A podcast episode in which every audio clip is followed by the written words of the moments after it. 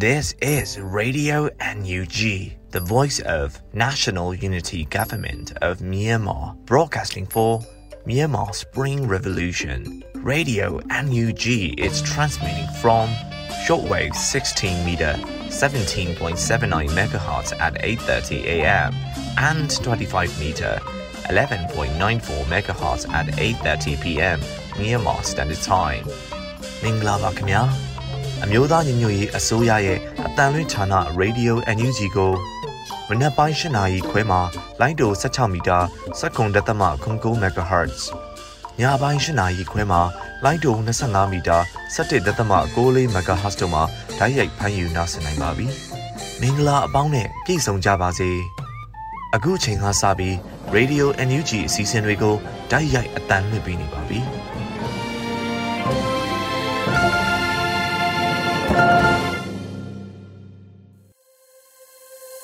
မြန်မာနိုင်ငံသူနိုင်ငံသားအပေါင်းတဘာဝပြီးဆရာနာရှင်ပြီးတို့ကနေကင်းဝေးပြီးကိုစိတ်နှစ်ပါးဘေးကင်းလုံခြုံကြပါစေလို့ရေဒီယိုအန်ယူဂျီဖွယ်သားများကအဆုတောင်းမြတ်တာပို့သလိုက်ရပါတယ်ရှင်။အခုချိန်ကစပြီးကာကွယ်ရေးဝန်ကြီးဌာနရဲ့စီးရဲသတင်းချင်းချုပ်ကိုတော့မှောင်ကျူးမှဖတ်ကြားတင်ပြပေးပါတော့မယ်ရှင်။အမျိုးသားညီညွတ်ရေးအစိုးရကာကွယ်ရေးဝန်ကြီးဌာနကထုတ်ပြန်တဲ့နေ့စဉ်စီးရဲသတင်းချင်းချုပ်ကိုတင်ပြပါတော့မယ်ခင်ဗျာ။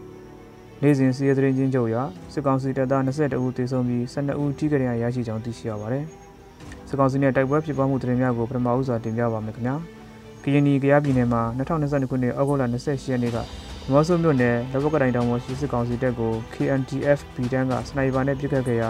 စစ်ကောင်စီဘက်ကဆက်လက်လက်များဖြင့်ပြန်လည်ပစ်ခတ်ခဲ့ပြီး KNDF ထောင်ထားတဲ့မိုင်းတလုံးကိုစစ်ကောင်စီဘက်ကနင်းမိကပောက်ကွဲခဲ့ပါတယ်။ထိခိုက်ဒေဆုံးမှုများကိုဆက်လက်စုံစမ်းနေစေဖြစ်ကြောင်းသိရှိရပါတယ်ခင်ဗျာ။ ခိုင်းတိုင်းမှာ2022ခုနှစ်ဩဂုတ်လ29ရက်နေ့မနက်9:00နာရီခန့်ကမင်းကင်းမြို့နယ်မကတော်ရွာကိုစစ်ကြောင်းထိုးလာတဲ့စစ်ကောင်စီတပ်သားများကိုဒေသခံပြည်သူ့ကာကွယ်ရေးတပ်ဖွဲ့ကမိုင်းဆွဲတက်ခဲ့ခဲ့ရာရဲစခန်းမှုအဆင့်ရှိတအူရဲတပ်သား2ဦးလူစောတိတဲဦးနေရာတွင်တည်ဆုံခဲ့ပြီးအခြား12ဦးထိခိုက်ဒဏ်ရာရရှိကြောင်းသိရှိရပါတယ်။မန္တလေးတိုင်းမှာ2022ခုနှစ်ဩဂုတ်လ29ရက်နေ့မနက်8:00နာရီခန့်ကမကုတ်မြို့နယ်လောင်းစင်ရေဝေစတဲ့ရွာဘက်မှာပြည်သူ့လူမျိုးရေးတဲ့ PLA PDF မိုးကုတ်ဗျူဟာတပ်ဖွဲ့တို့နဲ့စစ်ကောင်စီတပ်တို့တိုက်ပွဲဖြစ်ပွားခဲ့ရာစစ်ကောင်စီကားတစ်စီးပေါ်ကိုလက်ပစ်ဘုံတစ်လုံးပစ်သွင်းနိုင်ခဲ့ပြီးမိုင်းကားလုံးဖောက်ခွဲခဲ့ကတနက်များနဲ့ပစ်ခတ်တိုက်ခိုက်ခဲ့ပါတယ်။တိုက်ပွဲအတွင်းမှာစစ်ကောင်စီတပ်သား15ဦးနဲ့အထက်ထိဆုံးခဲ့ကြောင်းသိရှိရပါတယ်။တရင်သာရီတိုင်းမှာ2022ခုနှစ်ဩဂုတ်လ28ရက်နေ့မနက်9:00နာရီခန့်ကကော်တောင်းမြို့နယ်ခမောက်ကြီးမြို့ဝေးပြေးလမ်းမကြီးမိုင်းနန်48အနီးမှာကော်တောင်းကပုတ်ပြင်းကိုစစ်ကောင်စီကား2စီးနဲ့ချီတက်လာတဲ့အင်အား30ပါစစ်ကောင်စီတပ်နဲ့ ပြည်သူ့ကာကွယ်ရေးအဖွဲ့ကော်တောင်းနဲ့ဗိုလ်ပြင်းပူးပေါင်းဖွဲ့တို့ကြား15မိနစ်ခန့်ထိတွေ့တိုက်ပွဲဖြစ်ပွားခဲ့ကြောင်းသိရှိရပါတယ်။စကောင်စီကကျွလွန်တဲ့ရာဇဝမှုများအကြောင်းကိုဆက်လက်တင်ပြပါမယ်ခင်ဗျာ။စကိုင်းတိုင်းမှာ2022ခုနှစ်ဩဂုတ်လ29ရက်နေ့မနက်9:30မိနစ်ခန့်ကကဏီမြို့နယ်အရှိတောင်ဘက်10မိုင်ခန့်အကွာရှိအင်ဂျီ300ခန့်ရှိတဲ့ပြည်ပင်ကြီးရွာကိုစကောင်စီတပ်သားများကတညအိတ်ခန့်နေထိုင်တက်ဆွဲခဲ့ပြီးနောက်ပြန်အထွက်မှာရွာကိုမိရှုဖျက်ဆီးခဲ့ကြောင်းသိရှိရပါတယ်။ဩဂုတ်လ29ရက်နေ့မနက်8:25မိနစ်ခန့်က ကျွန်းလာမြို့နယ်အင်းလျားရှိကျေးရွာကိုစစ်ကောင်စီတပ်သားများဝင်ရောက်ခဲ့ပြီးနေအိမ်18လုံးကိုမိရှို့ဖျက်ဆီးခဲ့ပါတယ်။ဩဂုတ်လ29ရက်နေ့မနက်6နာရီခန့်ကစကိုင်းမြို့နယ်တောင်မြို့ကျေးရွာကိုကျွဲပုံရွာခြေဆိုင်စစ်ကောင်စီတပ်သားများနဲ့ကျွဲပုံရွာပူစောတိဖွဲ့တို့ကလက်နက်ကြီးဖြင့်ပစ်ခတ်ဝင်ရောက်ခဲ့ပြီးလူနေအိမ်များကိုမိရှို့ဖျက်ဆီးခဲ့ရာနေအိမ်38လုံးမိလောင်ပျက်စီးခဲ့ပြီးအချိန်မီရှောင်တိတ်မှုမပြုလုပ်နိုင်တဲ့အသက်18နှစ်အရွယ်ရွာသားတအုပ်ဖြစ်တဲ့မောင်ထက်မြတ်စဉ်ပြစ်တက်ခံရပြီးရွာသား25ဦးခန့်ဖမ်းဆီးခံခဲ့ရပါတယ်။ စစ်ကောင်စီတပ်သားနဲ့ပြူစောတိအဖွဲ့ထွက်သွားပြီးတဲ့နောက်ရွာသားများနဲ့ကာကွယ်ရေးရဲဘော်များကမိလောင်နေများကိုဝိုင်းဝန်းမြင်းငင်းတက်ခဲ့ရပါတယ်။အိုးလာ29ရက်နေ့မနက်8:25မိနစ်ခန့်ကကျွန်းလာမြို့နယ်အင်းရရှိကျေးရွာကိုခမရ133ကစစ်ကောင်စီတပ်သားများဝင်ရောက်ခဲ့ပြီးနေအိမ်များကိုမိရှုဖျက်ဆီးခဲ့ပါတယ်။အိုးလာ29ရက်နေ့နေ့လယ်12:30မိနစ်ခန့်ကကြီးကြိုင်မြို့နယ်ကံပေါက်ရွာနဲ့တရကိုင်းတောင်ရိုးကြားမှာစစ်ကောင်စီတပ်ကလေကြောင်းနဲ့ဘုံကြီးများချက်ခဲ့ပြီးဆက်လက်နဲ့များဖြင့်ပစ်ခတ်တိုက်ခိုက်ခဲ့ကြောင်းသိရှိရပါတယ်။ ဩဂုတ်လ28ရက်နေ့ကမော်လိုက်မြို့နယ်ကုန်းဝုံသာကျေးရွာဘက်ကိုစစ်ကောင်စီများဝင်ရောက်ခဲ့ပြီးပြည်သူ18ဦးကိုဖမ်းဆီးကာ12ဦးကိုပစ်တက်ခဲ့ကြောင်းသိရှိရပါတယ်။ဩဂုတ်လ28ရက်နေ့မနက်၈နာရီခန့်ကကျွန်းလာမြို့နယ်အင်ဂျီကျေးရွာကိုတဲပင်စိတ်ကြီးရွာကစစ်ကောင်စီတပ်သားများဝင်ရောက်ခဲ့ပြီးမိရှုဖျက်ဆီးခဲ့ရာနေအိမ်132လုံးမိလောင်ပျက်စီးခဲ့ပါတယ်။ဩဂုတ်လ28ရက်နေ့ကကမ်ဘလူမြို့နယ်ရှော်ဘီကုန်းကျေးရွာအနီးကိုစစ်ကောင်စီတပ်ကရဟတ်ရင်နဲ့လာရောက်ပစ်ခတ်ခဲ့ကြောင်းသိရှိရပါတယ်။ ရန်ကုန်တိုင်းမှာ2022ခုနှစ်ဩဂုတ်လ29ရက်နေ့နေ့လယ်12နာရီခန့်ကလှိုင်မြို့နယ်ပန်းလိုက်မြစ်လမ်းမှာရှစ်လန်းထိပ်ကဖေးဆိုင်ကလူငယ်ကောင်လေး9ဦးကိုစစ်ကောင်စီအဖွဲ့ဝင်များကဖမ်းဆီးသွားခဲ့ကြောင်းသိရှိရပါတယ်။ဩဂုတ်လ29ရက်နေ့ကဒဂုံမြို့သစ်တောင်ပိုင်းမြို့နယ်ရှုကန်ကော်လက်ဖက်ရီဆိုင်ကလူသားသုံးဦးကိုစစ်ကောင်စီအဖွဲ့ဝင်များကဖမ်းဆီးခဲ့ပြီး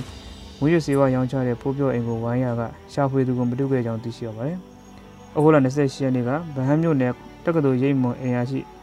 ရုပ်ဆောင်မင်းမော်ကွန်ပိုင်ဆိုင်တဲ့ကွန်ဒိုတိုက်ခိုင်းကိုစစ်ကောင်စီအဖွဲ့ဝင်များကချိတ်ပိတ်သွားခဲ့ကြောင်းသိရှိရပါတယ်။ဩဂုတ်လ28ရက်နေ့နေ့လယ်တနာရီကဘုံမြို့တင်စိတ်ကမ်းမြို့နယ်ရတနာလမ်းမပေါ်ရှိရတနာနှင်းစီအိမ်ယာကိုစစ်ကောင်စီအဖွဲ့ဝင်များကဝင်ရောက်စီးနင်းတဲ့ပြီးဖုံးဆိုင်ဖွင့်ထားတဲ့လူငယ်သုံးကိုဖမ်းဆီးခေါ်ဆောင်သွားခဲ့ကြောင်းသိရှိရပါတယ်ခင်ဗျာ။အခုတင်ပြခဲ့တဲ့နေ့စဉ်စီးရီးသတင်းချုပ်တို့မြေပြင်သတင်းတာဝန်ခံများနဲ့သတင်းဌာနကများကတင်ပြထားတဲ့အချက်အလက်များပေါ်အခြေခံပြုစုထားတာဖြစ်ပါတယ်။ကျွန်တော်မောင်ကျူပါ။။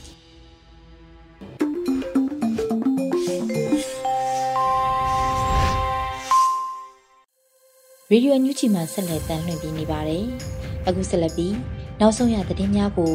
ຫນွေဦးမောင်မှဖက်ကြားတင်ပြပေးပါတော့မယ်ရှင်။မင်္ဂလာပါခင်ဗျာ။ယခုချိန်ကစပြီး Radio NUG မနက်ခင်းသတင်းများကိုဖတ်ကြားတင်ပြပေးပါတော့မယ်။ယခုတင်ပြပေးမယ့်သတင်းတွေကတော့ Radio NUG သတင်းတာဝန်ခံတွေနဲ့ခိုင်လုံသောမိဖက်သတင်းရင်းမြစ်တွေမှာအခြေခံထားတာဖြစ်ပါတယ်။ကျွန်တော်ကတော့ຫນွေဦးမောင်ပါခင်ဗျာ။ မနက်ပိုင်းပြည်တွင်သတင်းများကိုတင်ဆက်ပေးပါတော့မယ်။စစ်ကောင်စီဟာတခြားထွက်ပေါက်တွေမရှိတော့လို့အကြောက်တရားနဲ့မြန်မာနိုင်ငံကိုအုပ်စိုးဖို့လုပ်နေတယ်လို့ပြည်ထောင်စုဝန်ကြီးဒေါက်တာဆဆာကပြောကြားခဲ့တဲ့သတင်းကိုတင်ဆက်ပေးပါမယ်။စစ်ကောင်စီဟာအခြားထွက်ပေါက်တွေမရှိတော့လို့အကြောက်တရားနဲ့မြန်မာနိုင်ငံကိုအုပ်စိုးဖို့လုပ်နေတယ်လို့ပြည်ထောင်စုဝန်ကြီးဒေါက်တာဆဆာကပြောကြားလိုက်ပါတယ်။ဩဂတ်စ်လအတွင်းကျင်းပတဲ့ချင်းအခမ်းအနားတစ်ခုမှာအပြည်ပြည်ဆိုင်ရာပူးပေါင်းဆောင်ရွက်ရေးဝန်ကြီးကဆိုခဲ့ပါတယ်။သူတို့ဟာ အခြားထွက်ပေါက်မရှိတော့လို့အကြောက်တရားနဲ့မြန်မာနိုင်ငံကိုအုပ်စိုးမယ်မြန်မာပြည်သူလူထုကိုသူတို့ကချုပ်ကင်မယ်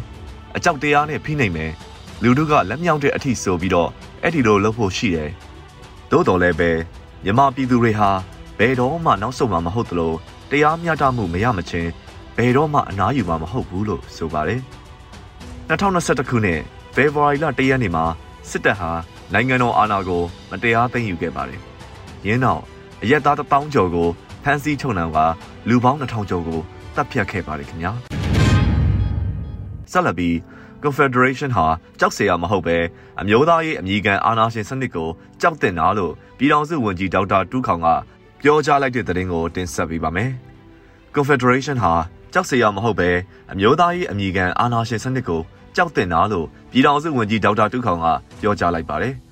ဩဂတ်စ်လ29ရက်လူမှုကွန်ရက်မှာပြည်ထောင်စုဝန်ကြီးဒေါက်တာတူးခေါင်ကရေးသားပြောကြားခဲ့ပါတယ်။အမှန်က Confederation ဟာကြောက်စရာမဟုတ်ဘူးကျွန်တော်တို့ကြောက်တင်တာက Confederation တို့ Federal တို့ကိုခြောက်စားပြီးအမျိုးသားရေးအမည်ခံအာဏာရှင်စနစ်ကိုပါလို့ဝန်ကြီးကဆိုပါတယ်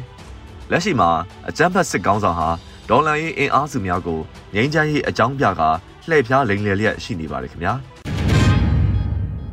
ဆက်လက်ပြီး Project Skyward ကနေ American Dollar သန်းအနည်းဆုံးရန်ပုံငွေရဖို့အတွက်ကာကွယ်ရေးဒုဝန်ကြီးနိုင်ကောင်းရက်ကဥဆောင်ကစောင်းဝမ်းမဲ့အကြောင်းကိုတင်ဆက်ပေးပါမယ်။ Project Skyward ကနေ American Dollar တန်အနည်းဆုံးရန်ပုံငွေရဖို့အတွက်ကာကွယ်ရေးဒုဝန်ကြီးနိုင်ကောင်းရက်ကဥဆောင်ကဆောင်ရွက်မယ်လို့သတင်းရရှိပါတယ်။ drone တိုက်ခိုက်ရေးတပ်တွေကိုအထောက်အကူပြုနိုင်ဖို့အတွက်ရည်ရွယ်ပြီးတော့အမျိုးသားညီညွတ်ရေးအစိုးရကာကွယ်ရေးဝန်ကြီးဌာနကရန်ပုံငွေရှာဖွေဖို့အတွက် Project Skyward ကိုလှုပ်ဆောင်မယ်လို့သတင်းရရှိပါတယ်။ Project Skyward ကိုအမျိုးသားညီညွတ်ရေးအစိုးရကာကွယ်ရေးဝန်ကြီးဌာနကပြုလုပ်တာဖြစ်ပြီးကာကွယ်ရေးဒုဝန်ကြီးနိုင်ကောင်းရဲ့ဦးဆောင်ကဘန်နာရေးနဲ့ပြည်သူ့ဆက်ဆံရေးအဖွဲ့တို့ဦးစီးလှုပ်ဆောင်တာဖြစ်ပါတယ်။လက်ရှိမှာ Project Skyward နဲ့ချိတ်ဆက်လှုပ်ဆောင်လျက်ရှိတဲ့ drone ဖွဲ့များမှာ Force for Federal Democracy, Falcon Wind, People Force, APCD, Butterfly, Golden Eagle, Mandalay PDF အပြင်တိုင်းနဲ့ပြည်နယ်အလိုက်အခြား drone တီးများလည်းပါဝင်ပါတယ်ခင်ဗျာ။ကာကွယ်ရေးဝန်ကြီးဌာနရဲ့ Project Skyward ဟာမြန်မာနိုင်ငံတဝန်းမှာရှိနေတဲ့ drone ဖွဲ့တွေကိုချိတ်ဆက်ပြီးစနစ်ကျတဲ့ chain of command တစ်ခုအောက်မှာအားလုံးပူးပေါင်းဆောင်ရွက်သွားဖို့ကိုလည်းဒီ project ကဥတီရည်ရွယ်ဆောင်ရွက်တယ်လို့သတင်းရရှိပါတယ်။ဆက်လက်ပြီး NUG လက်အောက်ခံ Burmese Independent Army တပည့်ရင် drone တပ်ဖွဲ့စတင်ဖွဲ့စည်းခဲ့တဲ့သတင်းကိုတင်ဆက်ပေးပါမယ်။ NUG လက်အောက်ခံ Burmese Independent Army တပည့်ရင် drone တပ်ဖွဲ့စတင်ဖွဲ့စည်းနေတယ်လို့သတင်းရရှိပါတယ်။ August လ29ရက်နေ့မှာ BIA တပည့်ရင်ကအတီးပြုတ်ပြောပါတယ်။ဟုတ်ပါတယ်။အခုမှစတင်ဖွဲ့စည်းမှာပါလို့ဆိုပါတယ်။လက်ရှိမှာ BIA ဂျပန်ရဲဘော်များဒရုန်းမောင်းလေ့ကျင့်နေပြီးမဟာမိတ်များနဲ့အတူပူးပေါင်းတိုက်ခတ်ရန်မဟာမိတ်များအတွက်အကူအညီကင်းထောက်ပေးရန်အသင့်ရှိနေတယ်လို့သတင်းရရှိပါတယ်ခင်ဗျာဆက်လက်ပြီး Special Forces 11 PDF ထုတ်လုပ်ရေးစခန်းမှာကာပိုင်တနက်များအားထုတ်လုပ်လျက်ရှိရာ ဩဂတ်စ်လနောက်ဆုံးပတ်အထိကာပိုင်တနက်12လက်ထုတ်လုပ်အောင်မြင်ထားခဲ့ကြောင်းကိုတင်ဆက်ပေးပါမယ်။ Special Forces 11 PDF ထုတ်လုပ်ရေးစခန်းမှာကာပိုင်တနက်များအားထုတ်လုပ်လျက်ရှိရာ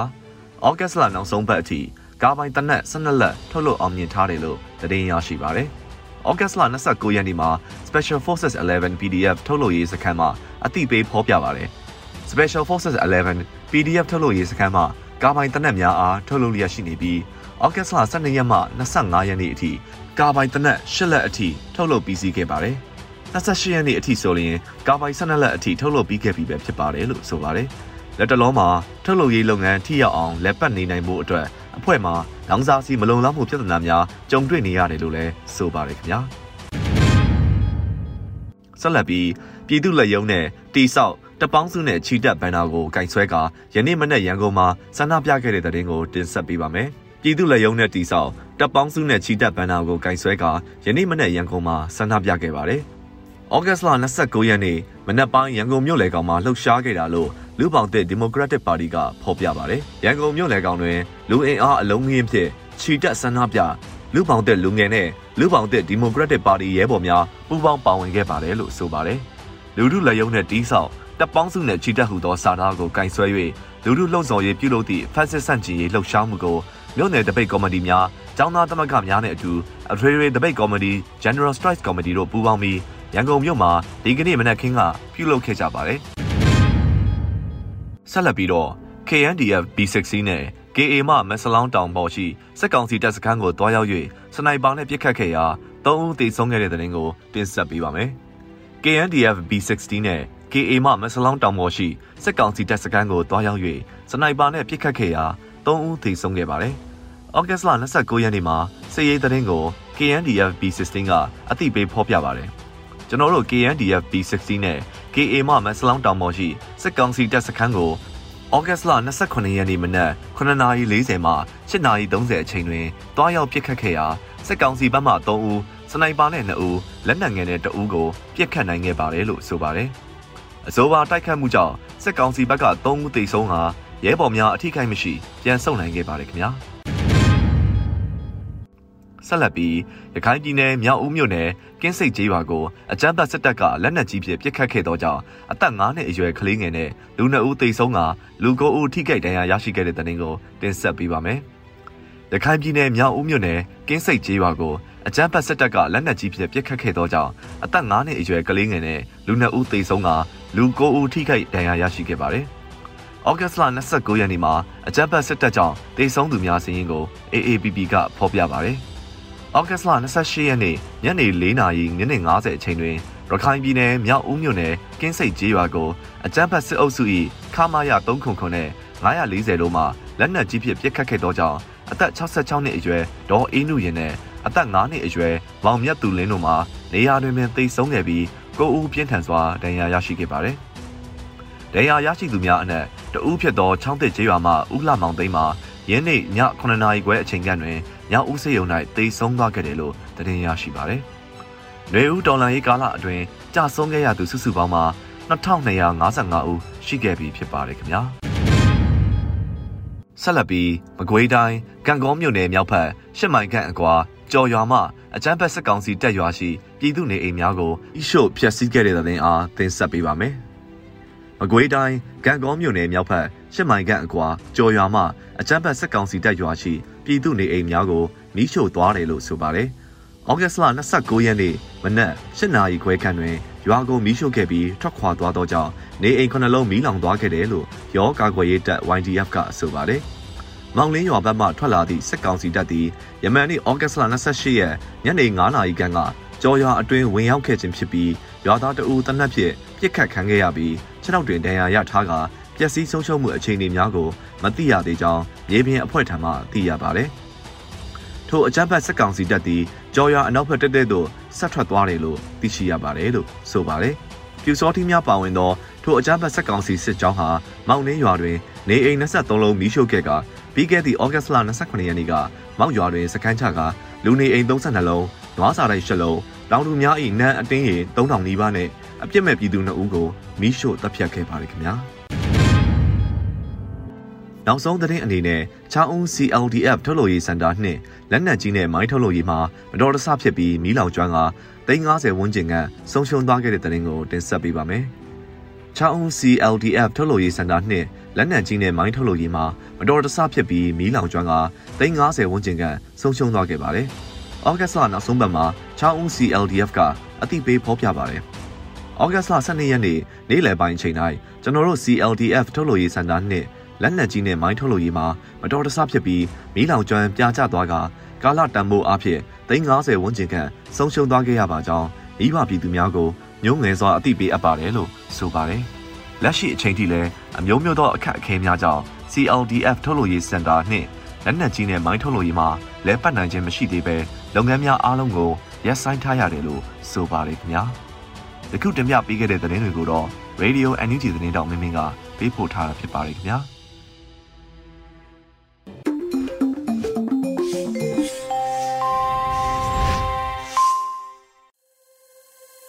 ရေဒီယိုညူချီရဲ့မနက်ခင်းစီစဉ်တွေကိုဆက်လက်တင်ပြနေပါတယ်။ အခုဆက်လက်ပြီးနားဆင်ကြရမှာကတော့မြမနွေခရိုနီကယ်ဩဂုတ်28မြင်ကွင်းဖြစ်တဲ့ရင်းနှစ်ဖွယ်ရာသတင်းတွေနဲ့တရက်တာလို့အမည်ရတဲ့မိုးမခဆောင်းပါးကိုနှွေဦးမုံမှဖတ်ကြားတင်ပြပေးပါတော့မယ်ရှင်။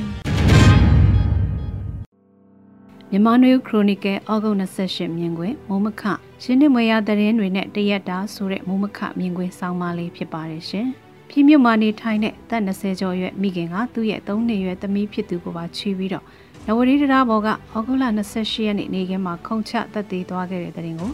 မီဒီယာစာမျက်နှာတွေမှာဖတ်လိုက်ရပါတယ်။တလောကမလေးရှားနိုင်ငံမှာချင်းမြို့သားဖခင်ကသားသမီး3ယောက်ကိုတရားဘော်ကနေကားလက်မော်ပစ်ချပြီးသူကိုယ်တိုင်ခုံချသွားတဲ့အဖြစ်အပျက်ဖြစ်ပွားခဲ့ပါသေးတယ်။တပန်ခုရဲ့ပိုင်းတမူးမျိုးကစီရီယမ်လုံထားတဲ့အကြောင်းဆရာမဖြစ်သူခေမိုးနဲ့ကွာရှင်းလက်မှတ်ထိုးပေးပြီးကျိုးဆွဲချတက်သေးသွားတဲ့အဖြစ်ပြန်လဲဖြစ်ပျက်ခဲ့ပါတယ်။ သတင်းမီဒီယာတစ်ခုမှာတော့ရန်ကုန်မြို့လမ်းတွေမှာမိသားစုလိုက်တောင်းရမ်းမှုတွေပုံမတွေ့လာရတဲ့အကြောင်းသတင်းအနေနဲ့ဖော်ပြထားပါတယ်။ဒီသတင်းတွေအားလုံးကိုစူးစီးကြည့်မယ်ဆိုရင်နိုင်ငံရေးပြဿနာစီးပွားရေးပြဿနာကြီးကြီးမားမားရင်ဆိုင်နေရတဲ့မြန်မာနိုင်ငံမှာအောက်ခြေလွှာကသူတွေဖို့တောက်ခံနိုင်စွမ်းမရှိတော့ပဲဘဝကိုရှုံးပေးသူတွေများပြားလာတယ်လို့ကောက်ချက်ချရမှာဖြစ်ပါတယ်။မလေးရှားနိုင်ငံကအဖြစ်ပြက်ကတော့စိတ်ပိုင်းဆိုင်ရာကျန်းမာရေးမကောင်းတဲ့ဖခင်ဖြစ်သူကသားသမီးတွေနဲ့အတူတတ်သေးတဲ့အဖြစ်အပျက်ဖြစ်ပြီး ကြံဖြစ်ရတွေကပြည်တွင်းကစီးပွားရေးအကျက်တဲတံမခံနိုင်တဲ့အဆုံးဘဝကိုရှုံးပေးပြီးမိမိရဲ့သွေးသားရင်သွေးကိုပါတပါတဲ့အဆုံးသတ်ဖို့အဆုံးဖြတ်လိုက်ကြတဲ့သဘောလို့ကောက်ချက်ချရမယ်ထင်ပါတယ်။ရင်ရင်မဆလတ်ခေစဘာအယောဝဲတည်ယူမှုတွေကိုကန့်သက်ချုပ်ကန်ခဲ့ပြီးစံစည်းတွေမြင့်တက်ခဲ့စဉ်လောက်ကိုင်းရှားပါခဲ့ခြင်းကမိသားစုလိုက်စိတ်တောက်သေးဆုံးခဲ့တဲ့အဖြစ်အပျက်တွေကြားခဲ့ရပူပါတယ်။စံဝယ်ယူဖို့ခက်ခဲတဲ့ကာလငွေကြေးရှားပါလို့နဲ့ကာလတွေဖြစ်ပြီးအဲ့လိုအဆုံးစီရင်မှုတွေတစ်ချိန်မကကြားခဲ့ရတာပါ ခုဆီယနာသိမ့်ပြီးတနည်းခွဲကျော်ကာလကြာမြင့်လာချိန်တန်23နှစ်ရွယ်မိခင်နဲ့3နှစ်ရွယ်သမီးဖြစ်သူတို့တရားပေါ်ကခုံချသွားတဲ့ဖြစ်ရကအောက်ခြေလူဒန်းစားတွေဖို့ကုံစင်းနှုံးတွေနေလိုက်သတင်းပတ်အလိုက်ကြီးတစ်ထက်ကြီးမြင့်လာတာလောက်ကိုင်းခွင်လန်းတွေမရှိတာရဲ့ကျိုးစံလို့ဓာတ်ရိုက်ကောက်ချက်ချနိုင်တဲ့အဖြစ်အပျက်ဖြစ်ပါတယ်။နေ့စဉ်မြင့်တက်နေတဲ့အခြေခံစားသောက်ကုန်စည်နှုန်းတွေလောက်ကိုင်းရှားပါမှုတွေကနေဆက်လက်ရှင်းသမ်းမှုခက်ခဲလာတာကြောင့်ရှုံးပေးပြီး လူလောကတွေကထွက်ခွာဖို့ဆုံးဖြတ်လိုက်ရတဲ့မိသားစုတစုကိုတာရကပြလိုက်တဲ့သဘောလို့ယူဆမိပါတယ်။ခက်ခဲကြုံသူတိုင်းမိမိကိုယ်ကိုဆုံးစီရင်ကြတာမဟုတ်ပေမဲ့ခုလိုဖြစ်ပျက်မျိုးကမကြာခဏဖြစ်ပျက်နေတာမဟုတ်ပဲခုလိုကာလမှာကြားသိနေကြသတင်းမျိုးမဟုတ်တဲ့ခုလိုဖြစ်ပျက်တွေခက်စိတ်စိတ်ဖြစ်ပွားလာတာကလူမှုတိုင်ဝမ်မှာရေးပေါ်ချင်းနေကြရောက်နေပြီဆိုတာခံမှန်းနိုင်ပါတယ်။ပြည်တွင်းမှာလောက်ကိုင်းခွင်လန်းတွေရှားပါလာတာကြောင့်လဲအိန္ဒိယနိုင်ငံမှာတရားမဝင်အလုပ်သွားလုပ်ဖို့ ထိုင်းနိုင်ငံနဲ့ရောက်ပြီးဝေးပြေးကားလမ်းမှာမတော်တဆဖြစ်လို့မြန်မာနိုင်ငံသား၄ဦးသေဆုံးပြီး9ဦးဒဏ်ရာရတဲ့တဲ့ရင်လည်းဒီနေ့တဲ့ရင်တွေထဲပါလာပါတယ်။ကြာခဏခိုးဝင်လို့ဖန်ခံရတဲ့တဲ့ရင်ကားမတော်တဆမှုကြောင့်အသက်ဆုံးရှုံးရတဲ့တဲ့ရင်တွေဟာမကြမကြတွေ့နေကြတဲ့ရင်တွေလိုဖြစ်လာနေတာပါ။ခုလိုကြက်တဲ့လူမှုစီးပွားကပ်ဘေးကိုဘယ်လိုကြောဖြတ်ကြမလဲဆိုတဲ့မေးခွန်းလဲပေါ်ထွက်လာပါတယ်။နိုင်ငံရေးပြဿနာကိုဖြေရှင်းနိုင်မှဒီဟာအားလုံးပြေလည်နိုင်မယ်လို့အဖြေပေးကောင်းပေးပါလိမ့်မယ်။ ဒီအဖြစ်ကငင်းပွားစရာမရှိအောင်မှန်ကန်ပေမဲ့ရေရှည်ပြဿနာဖြစ်တဲ့နိုင်ငံရေးပြဿနာမပြေလည်ခင်မှာရေတို့ဖြေလဲရှာဖို့လိုအပ်လိမ့်မယ်လို့ထင်ပါတယ်။နိုင်ငံရေးပြဿနာကအားလုံးရဲ့အခြေခံအကြောင်းရင်းဖြစ်တာမှန်ပေမဲ့အဲ့ဒီပြဿနာဖြေရှာဖို့စီးရဲနီလန်နိုင်ငံရေးနီလန်တွေနဲ့စူးစမ်းနေစမှာခုလိုရင်းနှီးမွေရအဖြစ်ပြပေါင်းဘလောက်ကြားသည့်ကြုံတွေ့ရအောင်မလဲဆိုတာလဲစဉ်းစားဖြေရှာဖို့လိုအပ်ပါလိမ့်မယ်။နိုင်ငံရေးပြည်ထနာပြေးမထွက်ခင်ပြည်သူလူထုအချင်းချင်းကူညီဖေးမတဲ့အနည်းလန်းတွေအစာပြုံးလှုပ်ဆောင်မှုတွေ အချင်းချင်းဝိုင်းဝန်းကူညီကြတဲ့စနစ်မျိုးရှိဖို့လိုအပ်တာအမှန်ပဲဖြစ်ပါတယ်။အကြောင်းရင်းကိုဖယ်ရှားဖို့လှုံ့ဆော်နေစမှာအကျိုးရလက်ရဲ့ဒဏ်ကိုခံစားကြရမှာလူသားလွတ်သားရှိသူတွေကအကြက်တဲတွေကနေဘယ်လိုမှလူးလွန်ထွက်ပေါက်မရှိတော့လို့ရှုံးပေးဖို့စဉ်းစားနေရသူတွေကိုကူညီဖေးမဖို့လိုအပ်မယ်လို့ထင်ပါတယ်။ပရာဟိတအသင်းဖွဲ့တွေပရာဟိတကူညီရေးလှုပ်ဆောင်သူတွေကိုစနစ်တကျလှုပ်ဆောင်နိုင်အောင်နိုင်ငံရေးဖွဲ့စည်းတွေကနှိုးဆော်အားပေးသင့်တယ်လို့မြင်ပါတယ်။ ပြည်သူချင်းချင်းကူညီမှုကနိုင်ငံရေးပြည်ထနာကိုရှောင်လွှဲတဲ့အတိတ်ပဲမဟုတ်ပဲပြည်ထနာကိုအဆုံးတိုင်းမဖြစ်ရှင်းနိုင်သေးခင်မှာဒန်းတူညီမျှစိတ်နဲ့တဦးနဲ့တူကူညီပြီးရွေထားတဲ့လူမှုဖွဲ့စည်းစီတူတူရှောင်လန်းကြမယ်ဆိုတဲ့သဘောလေးဖြစ်ပါတယ်ရှင်။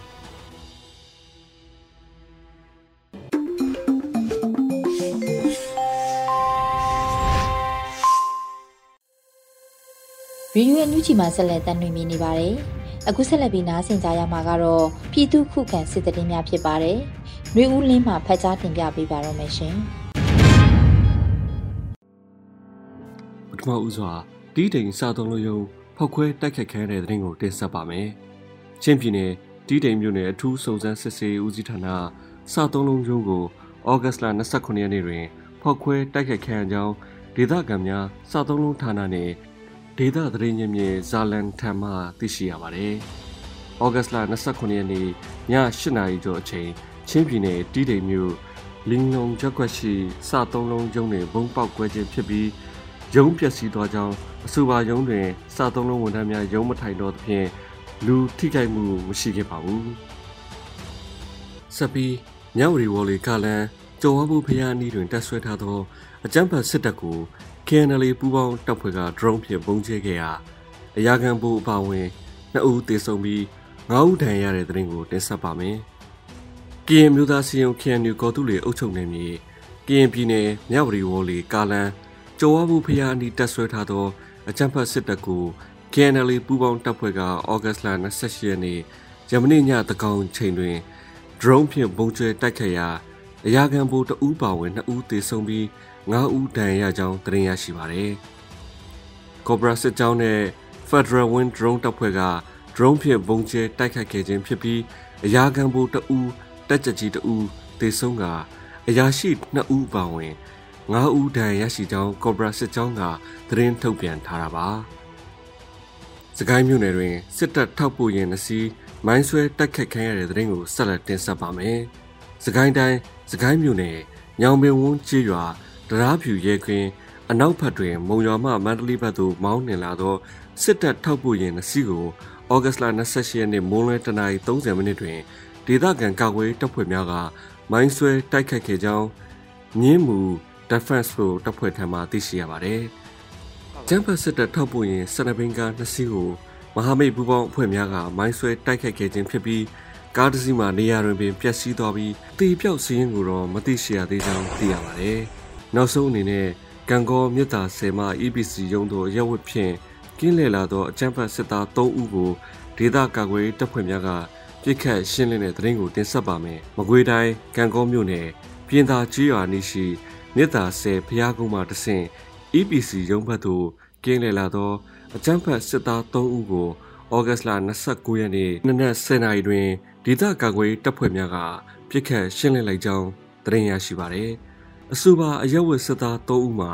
စိုက်ကယ်နှစ်စီးလက်နက်အပြည့်စုံဖြင့် EPC ရုံးထွင်းသို့ကင်းလှည့်နေစဉ် EPC ရုံးဝါ၌ဒေသကာကွယ်တပ်ဖွဲ့များကပြစ်ခတ်ရှင်းလင်းခဲ့ခြင်းဖြစ်ပါတယ်။ဒေဆုံစစ်သားများထံမှလက်နက်များကောက်ယူရန်တွားရောက်ခဲ့တော်လဲစစ်ကူလာရောက်သောကားတစ်စီးကြောင့်ပြန်လည်ဆုတ်ခွာခဲ့ရကြောင်း CDF KKG တပ်ရင်း9ကသတင်းထုတ်ပြန်ပါတယ်။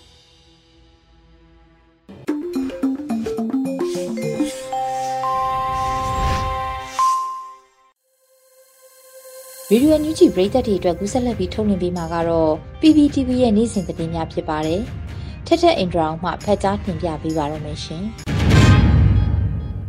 အခုချိန်ကစပြီး PPTV သတင်းတွေကိုတင်ဆက်ပေးတော့မှာပါ။ကျွန်မထက်ထက်အင်ဒရာအောင်ပါ။တပထမဆုံးတင်ဆက်ပေးမယ့်သတင်းကတော့ရခိုင်တပ်တော် AA ကပြည်သူတွေကိုရည်ရွယ်ချက်ရှိရှိပြစ်ခတ်တပ်ဖြတ်နေတဲ့အကြမ်းဖက်စစ်တပ်ကိုလက်တုံပြန်မယ်လို့ပြောကြားလိုက်တဲ့သတင်းမှာ ရခိုင်တပ်တော် AA ကမြောက်ဦးမြို့နယ်ကင်းစိတ်ကြီးရွာပါဒေသခံပြည်သူတွေကိုရည်ရွယ်ချက်ရှိရှိနဲ့လက်နက်ကြီးတွေနဲ့ပစ်ခတ်တပ်ဖြတ်နေတဲ့အကြမ်းဖက်စစ်တပ်ကိုလက်တုံပြန်သွားမယ်လို့ပြောကြားလိုက်တာပါရခိုင်တပ်တော် AA ရဲ့ပြောရေးဆိုခွင့်ရှိသူခိုင်သူခါကိုနေစရသတင်းဌာနကဆက်သွယ်မင်းမြတ်မှုအပေါ်မှာရခိုင်တပ်တော် AA အနေနဲ့လိုအပ်တယ်လို့တုံ့ပြန်သွားမှာဖြစ်တယ်လို့ပြောကြားလိုက်တာပါအကြမ်းဖက်စစ်တပ်ကလက်နက်ကြီးနဲ့ပစ်ခတ်နေတဲ့ကင်းစိတ်ကြီးရွာက မြောင်မြို့အနောက်ဘက်တမိုင်ကျော်အကွာမှာတရှိနေပြီးလက်တလောတိုက်ပွဲဖြစ်ပွားနေတဲ့နေရာကလက်ကာကြီးရွာကမြောက်ဦးမြို့ရဲ့မြောက်ဘက်ရှစ်မိုင်အကွာမှာတည်ရှိနေတာဖြစ်လို့ဘာမှမဆိုင်တဲ့ကြီးရွာကပြည်သူတွေကိုအကြမ်းဖက်စစ်တပ်ကအသက်လွတ်တပ်ဖြတ်နေတာလည်းဖြစ်ပါတယ်။ကင်းစိတ်ကြီးရွာကိုအကြမ်းဖက်စစ်တပ်ကလက်နက်ကြီးနဲ့ပစ်ခတ်တာကြောင့်အသက်66နှစ်အရွယ်ဒေါ်အေးနုရင်နဲ့အသက်9နှစ်အရွယ်မောင်မြတ်သူလင်းတို့တေဆုံးခဲ့ပြီးကိုဦးထံရရှိခဲ့တာပါ။ အခုလိုမျိုးအရက်သားပြည်သူတွေကိုလက်နက်ကြီးတွေနဲ့ပစ်ခတ်တိုက်ခိုက်ခဲ့တာကစစ်ရာဇဝတ်မှုကျူးလွန်တာဖြစ်တယ်လို့လည်းခိုင်တုခကထောက်ပြထားပါတယ်။အခုညနေမှာမြန်မာစစ်တပ်ဘက်ကလက်နက်ကြီးတွေနဲ့ရည်ရွယ်ချက်ရှိရှိပစ်ခတ်တာကတော့ဘာတိုက်ပွဲမှဖြစ်ပွားတာမရှိဘဲနဲ့ကြီးရွာတွေကိုသူတို့တမင်တကာရည်ရွယ်ပြီးတော့မှဥတီတိုက်ခိုက်တာဖြစ်တယ်။ပြောရမယ်ဆိုလို့ရှိရင်တော့ဒါအယက်သားပြည်သူတွေကိုဥတီပြီးတော့ပစ်တာဖြစ်တယ်။ ဒါဟာဆိုရတဲ့ဆရာဆွေမှုဖြစ်တယ်လို့ခိုင်တုခါကပြောကြားထားပါတယ်။အကြမ်းဖက်စစ်တပ်ကခုခံတော်လန်စစ်ဖြစ်ပွားရာဒေသတွေမှာလည်းဆရာဆွေမှုတွေကျူးလွန်နေတာပါ။အထူးသဖြင့်တော့စကိုင်းမကွေးချင်းနဲ့ကရင်ပြည်နယ်တွေမှာအရသာပြည်သူတွေနေတဲ့ကြေးရွာတွေထဲဝင်ပြီးတော့ပြည်သူတွေကိုဖမ်းဆီးတပ်ဖြတ်တာကြေးရွာတွေကိုမိရှို့တာတွေပြုလုပ်နေတာပါအခုတင်ဆက်ပေးမှာကတော့အကျန်းဖတ်စစ်တပ်ကဝဲတောင်မရွာကိုဝင်ရောက်ပြီးတော့မိရှို့ဖျက်ဆီးရာအိမ်လုံး30ပျက်စီးခဲ့ရဆိုတဲ့တဲ့မှာ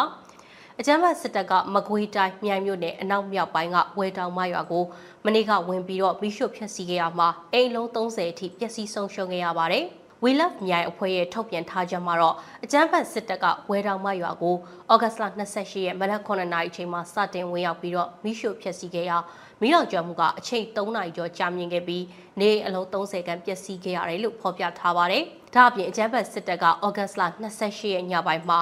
စပေကနေရွာရဲ့ဖုန်ကြီးကျောင်းမှာတက်ဆွဲထားပြီးတော့ပြည်သူချုပ်ကိုဖမ်းဆီးထားတဲ့အတွက်ဒေသခံပြည်သူထောင်နဲ့ချီပြီးတော့ထွက်ပြေးတိမ်းရှောင်နေရပါတယ်။အကြမ်းဖက်စစ်တပ်ကဩဂတ်စ်လ22ရက်ကနေ28ရက်အတွင်းမှာမြိုင်မြို့နယ်တွေကစူဝင်းကြီးရွာတဒွတ်ကြီးရွာပေါက်ခေါင်းကြီးရွာနဲ့ဝဲတောင်တကြီးရွာတွေကိုမိရှုဖျက်ဆီးမှုတွေပြုလုပ်ခဲ့တာပါ။ဩဂတ်စ်လ28ရက်မနက်ပိုင်းမှာမြိုင်မြို့နယ်ဝဲတောင်တရွာကိုမိရှုပြီးတော့ထွက်ခွာလာတဲ့အကြမ်းဖက်စစ်တပ်ကို ဒေသရဲပြည်သူ့ကာကွယ်ရေးတပ်တွေကတိုက်ခိုက်မှုတွေပြုလုပ်ခဲ့ပါတယ်။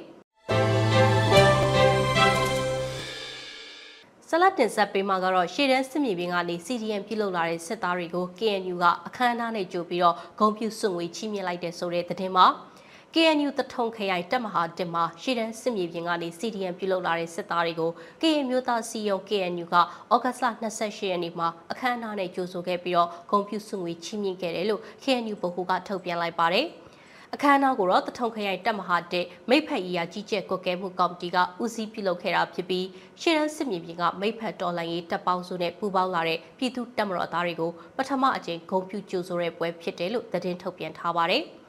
မိဖက်ရီယာကြီးကျယ်ကွက်ကဲမှုကော်မတီဥက္ကဋ္ဌကလာရပူးပေါင်းတဲ့အတွက်ဝမ်းသာဂုဏ်ယူအတိအမှတ်ပြုတယ်။လာရပူးပေါင်းတဲ့ပြည်သူတပ်မတော်သားတွေအနေနဲ့မိဖက်တော်လှန်ရေးတပ်ပေါင်းစုတွေနဲ့ပူးပေါင်းကအာဏာရှင်တွေကိုပြန်လည်တော်လှန်လိုပါကတော်လှန်နိုင်ပြီးတော့ ပူပေါင်းတော်လှန်ရဲ့အခက်အခဲရှိရင်လည်းဘေးကင်းလုံခြုံစွာလောက်ကင်စားတောက်ရဲ့ညှိနှိုင်းဆောင်ရွက်ပေးမှဖြစ်တယ်ဆိုတာနဲ့အာဏာရှင်ကိုဖျောက်ချဖို့လက်နက်ကင်တိုက်ပွဲဝင်တဲ့နီလန်အပြင်တပ်နိုင်တဲ့တပ်ဖက်တလန်ကလည်းပါဝင်လှုံ့ဆော်လို့ရတယ်ဆိုပြီးတော့ပြောကြားခဲ့ပါတယ်။ဒါ့အပြင်အကြမ်းဖက်အာဏာသိမ်းစစ်ကောင်စီရဲ့လက်အောက်မှာလက်ရှိတာဝန်ထမ်းဆောင်နေတဲ့စစ်သားတွေကိုမိဖက်တော်လှန်ရေးတပ်ပေါင်းစုနဲ့ပူးပေါင်းလို့ရင်အခုလိုနှွေးထွေးစွာကြိုးဆိုသွားမှာဖြစ်တယ်ဆိုပြီးတော့လဲ KNU ဗဟိုရဲ့ထုတ်ပြန်ချက်မှာဖော်ပြထားတာကိုတွေ့ရပါတယ်။ကျေးဇူးတင်ပါတယ်ရှင်။ ဒီကနေ့ကတော့ဒီညနေပဲ Radio NUG ရဲ့အစည်းအဝေးကိုခਿੱတရနာလိုက်ပါမယ်မြန်မာစံတော်ချိန်မနက်၈နာရီခွဲနဲ့ည၈နာရီခွဲအချိန်တွေမှာပြန်လည်ဆုံးဖြတ်ကြပါစို့ Radio NUG ကိုမနက်ပိုင်း၈နာရီခွဲမှာလိုင်းဒို16မီတာစက္ကန့်တသမ9 MHz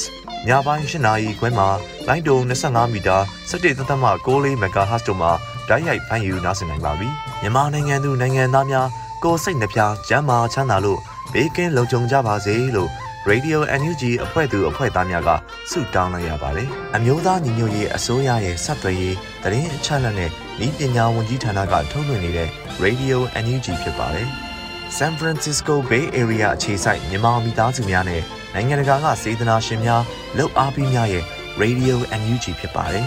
။အရေးတော်ပုံအောင်ရမည်